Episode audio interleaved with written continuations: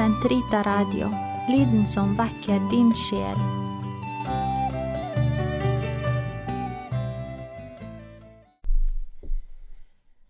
Karmels hage episode 37 Therese av Jesusbarnet og Det hellige ansikt En kjærlighetens profet for vår tid.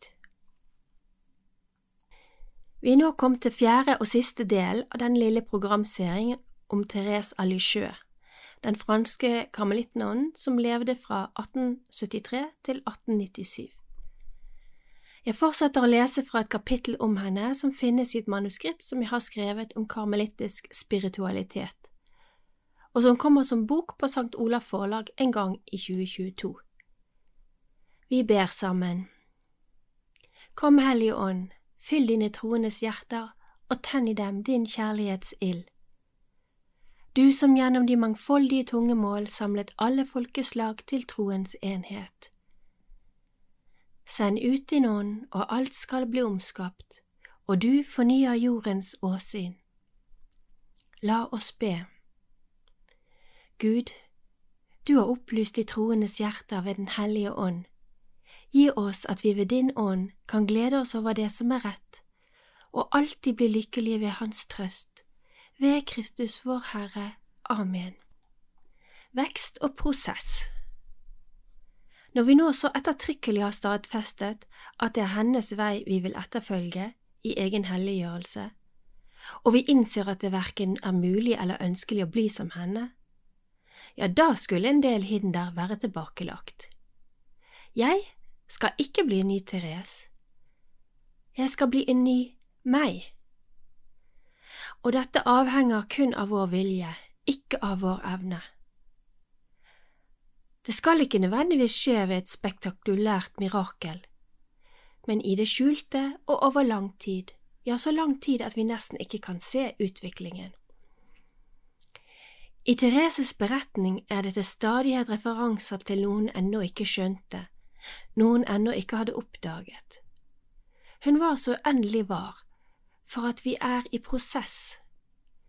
Gud viser seg litt etter litt og han har forskjellig tilnærming og metode med hver enkelt en av oss. Fra sin erfaringsdyp visste hun også at vi aldri måtte fortvile.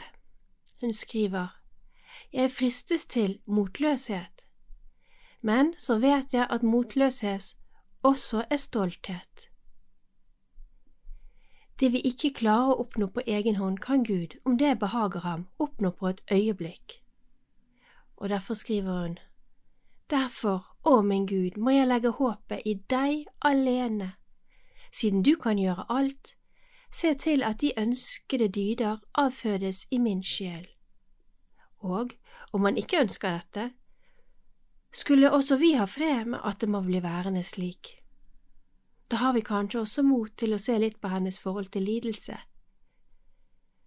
Da gjør vi det ikke fordi vi ønsker oss det hun fikk, eller fordi vi ønsker å dyrke dette, men fordi vi, ut fra den kjærlighet til Jesus Kristus som stadig vil vokse i oss, ønsker å gjøre egen motgang, egne utfordringer og lidelse, til virksomme krefter i kirken, etter Kristi forbilde, som Therese prøvde å leve etter. Therese og lidelsen Therese fikk tidlig smake lidelsens bitre kalk og kanskje spesielt den av følelsesmessig og tilknytningsmessig art.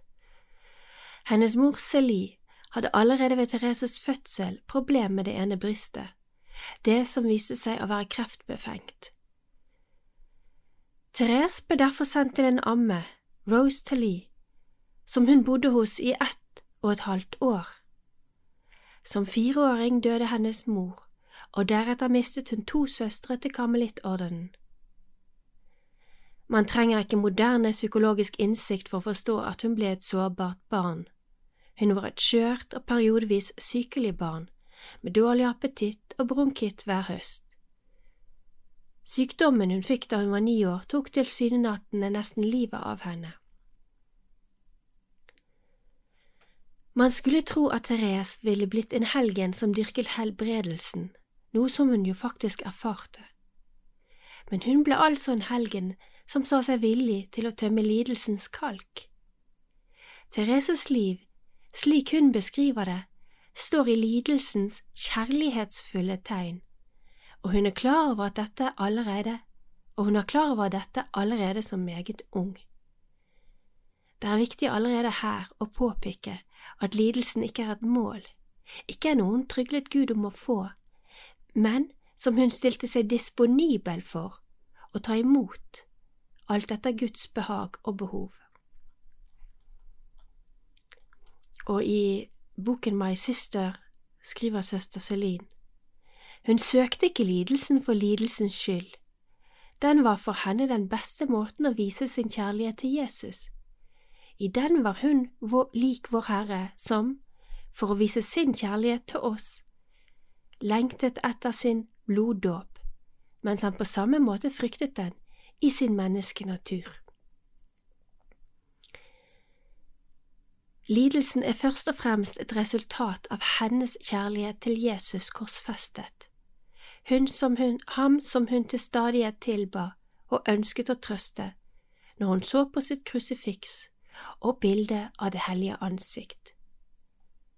Hun søkte alltid Gud først og var åpen for, og sa ja til å få alt det andre i tillegg. Therese visste allerede tidlig i livet at hun skulle bli en helgen, og at det skulle koste.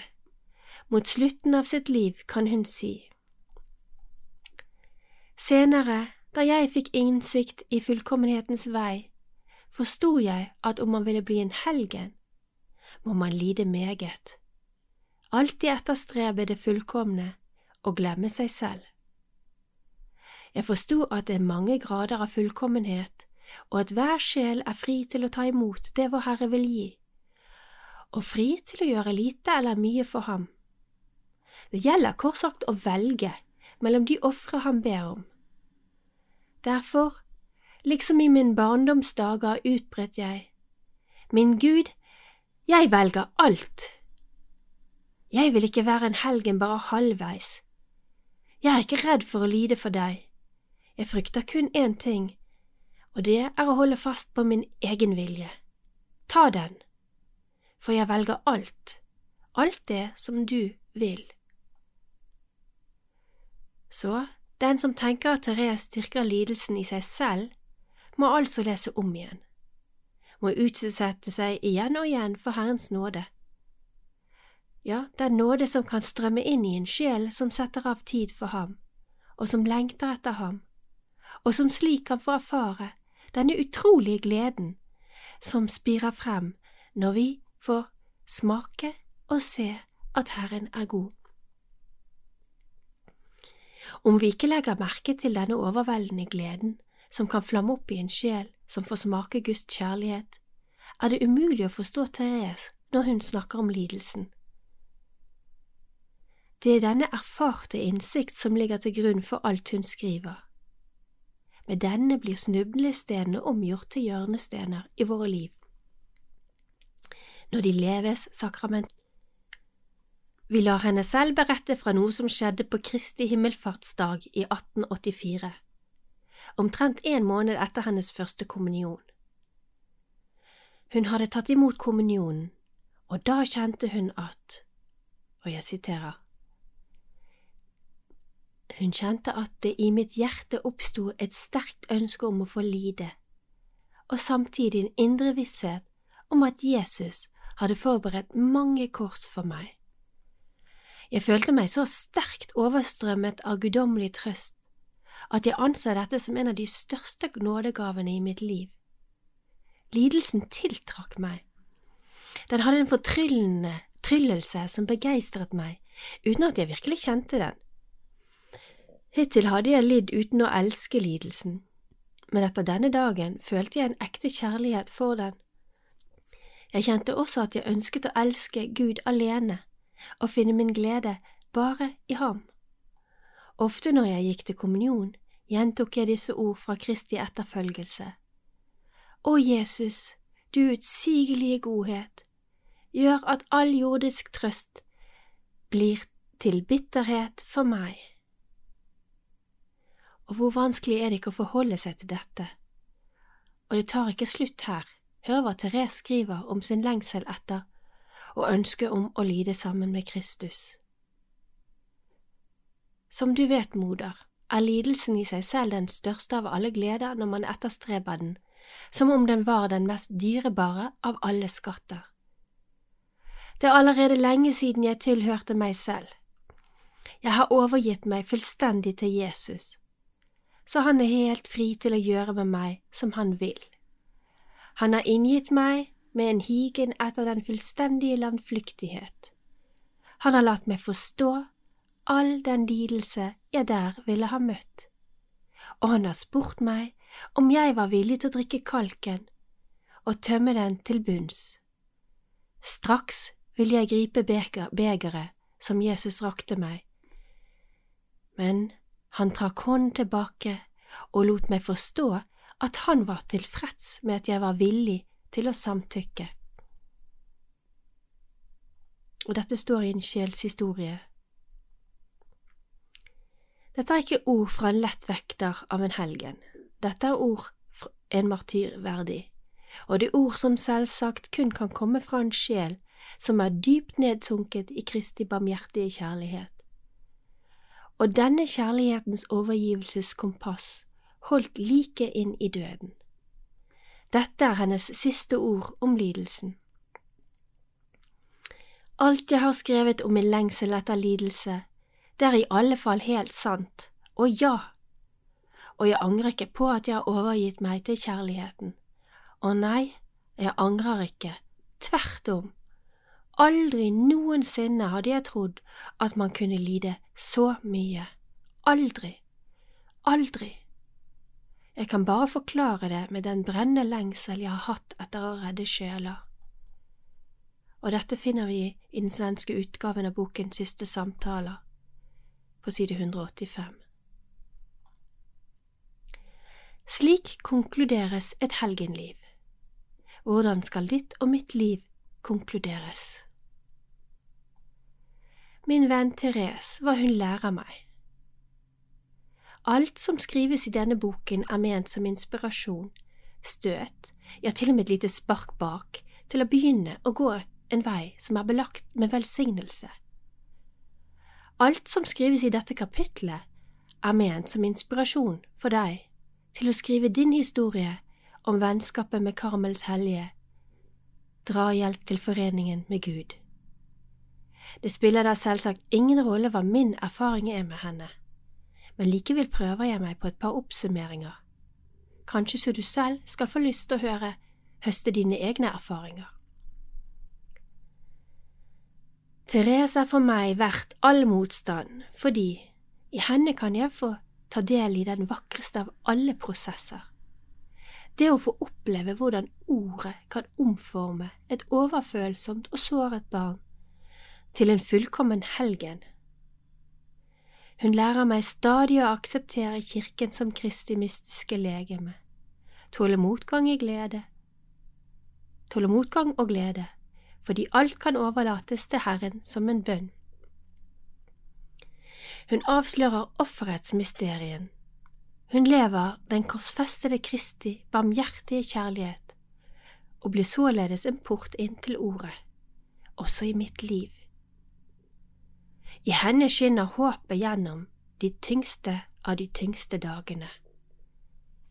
I henne ser vi veien til all hellighet, den vi kun kan gå gjennom Guds barmhjertighet og kjærlighet. Kort sagt holder hennes råd gjennom alle livets faser og kanskje helt spesielt gjennom de tunge. Jeg møter noen ganger mennesker som har fått en tilsynelatende urettferdig porsjon av lidelse i sitt liv. Lidelse som intet menneske kan ta fra dem. Da kan Thereses styrke i lidelsen være min styrke i møte med den som lider. Vitende at det har en uendelig stor verdi å være til stede, bare være til stede, og selvsagt lindre og trøste der man kan. skulle det i tillegg også være mulig å formidle at denne lidelsen, forenet med Kristi lidelse, kan bli del av Kirkens store bønn for sjelene. Så ville vennskapet med Therese være en perle man var villig til å selge alt man eide for å få. Tenk om all lidelse på jorden ble løftet opp til Gud i dette frelsende oppstandelsens perspektiv. Her kan vi alle løfte både våre egne daglige ubehag og irritasjoner, og selvsagt egen lidelse om den måtte komme.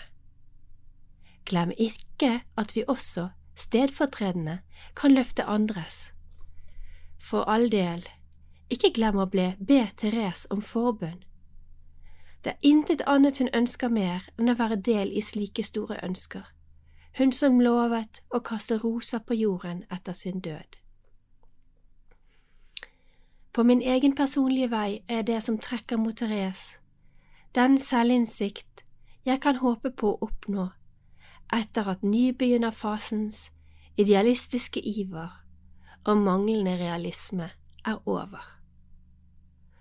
Og da snakker vi om noe så tråkig som følelsen av avmakt når det gjelder vår evne til å leve de kristne liv vi ønsker. Når vi opplever at vi aldri klarer å leve opp til de store forbilder, verken helgene eller ham som vi alle søker å etterligne, Jesus Kristus. I vår iver og ønsker er det så lett å glemme at Gud ikke søker våre gjerninger, men kun vår kjærlighet til ham og våre medmennesker. Therese er ikke opptatt av hva vi får til, om vi lykkes i våre ambisjoner. Tvert imot er hun meget fornøyd når hennes søster Genevieve til stadighet feiler. Det er en mye større gave å gi sin elskede sine tap fremfor sine seire, som som oftest leder til selvtilfredshet. Therese peker alltid på Jesus, som er det dypeste fokus for alle hennes tanker og gjerninger. Det er for ham hun gleder seg og smiler så han kan glede seg og trøstes. Det er for ham hun lider, forenet med hans lidelse, så han kan bruke henne i kampen for sjelene. Og hun minner oss på hans inderlige og barmhjertige kjærlighet for dem som lider og er fortapte. Var det ikke han som forlot 99 sauer for å finne den fortapte i kjerret? Var det ikke han som ble grepet av medynk for de mange spedalske, blinde, døve, besatte og lamme som han møtte på sin vei. Vi er alle fortapte får, og gjennom Thereses liv og søken kan vi, når vi innser vår tilstand, få oppleve hvordan han kommer et slikt får i møte. Om vi innser at vi kun er små barn i Herrens øyne, kan vi bare gå én vei, og det er å kaste oss inn i Hans armer Gang på gang leser jeg hennes ord om å hive seg som et lite barn i hans armer. Og de små barna kan gå dom dommen trygt i møte. Små, hjelpeløse, angrende barn vil dømmes svært mildt, hun vet. Når jeg ser tilbake på den vei jeg har gått, så er det jo nettopp der jeg har opplevd motstand der jeg ikke har villet gå, at jeg ser at Gud har ventet på meg. Hele vår åndelige vei her på jorden foregår i mørket, foregår uten at vi kan forstå, eie og gripe. Ja, vi er stadig på vei til omvendelse og overgivelse. Av det ett eneste råd jeg kan gi ut ifra min egen erfaring, så er det nettopp dette. Ikke forkast, glem eller rydd vekk det uforståelige, motstanden, for det kan være nettopp her at Gud skjuler seg. Gjør som Maria, vår mor, gjem det i ditt hjerte og be Gud om varsomt å opplyse din forstand. Selv situasjoner og mennesker som vi ønsker å betegne som onde, manipulerende, vanskelige, og som vi helst ønsker dit pepperen gror, kan altså være disse snublesteinene som kan bli hjørnesteiner i vår åndelige utvikling.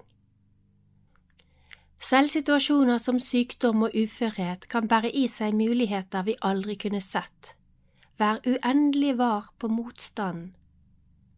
Kanskje er det slik at Jesus, fordi vi tviholder i våre gamle tankebaner, våre gamle vaner, skjuler seg som en snublesten i våre liv. Om vi, når vi faller, lar ham åpne våre øyne, så skal vi se at slike fall kan bli innfallsporten til et nytt byggverk som nettopp hviler på det som nå er blitt hjørnestenen. Jesus Kristus korsfestet og oppstanden. Dette er noe Therese kan hjelpe oss til å forstå og til å trenge dypere inn i. Vi avslutter med et par ord fra henne. Tro ikke at jeg svømmer i et hav av trøsterike følelser. Å nei, min trøst består i å ikke ha noen trøst her på jorden. Uten at Han viser seg, uten at jeg hører Hans stemme, lærer Jesus meg alt i det skjulte. Det skjer ikke ved hjelp av bøker siden jeg ikke forstår hva jeg leser, men iblant kan det komme ord til meg som trøster meg, slik som dette som jeg ble gitt mot slutten av den indre bønnen, som jeg hadde tilbrakt i taushet og tørke. Her er den mester jeg vil gi deg, han vil lære deg alt du skal gjøre. Jeg vil la deg lese livets bok, som inneholder kunnskapen om kjærligheten. Amen.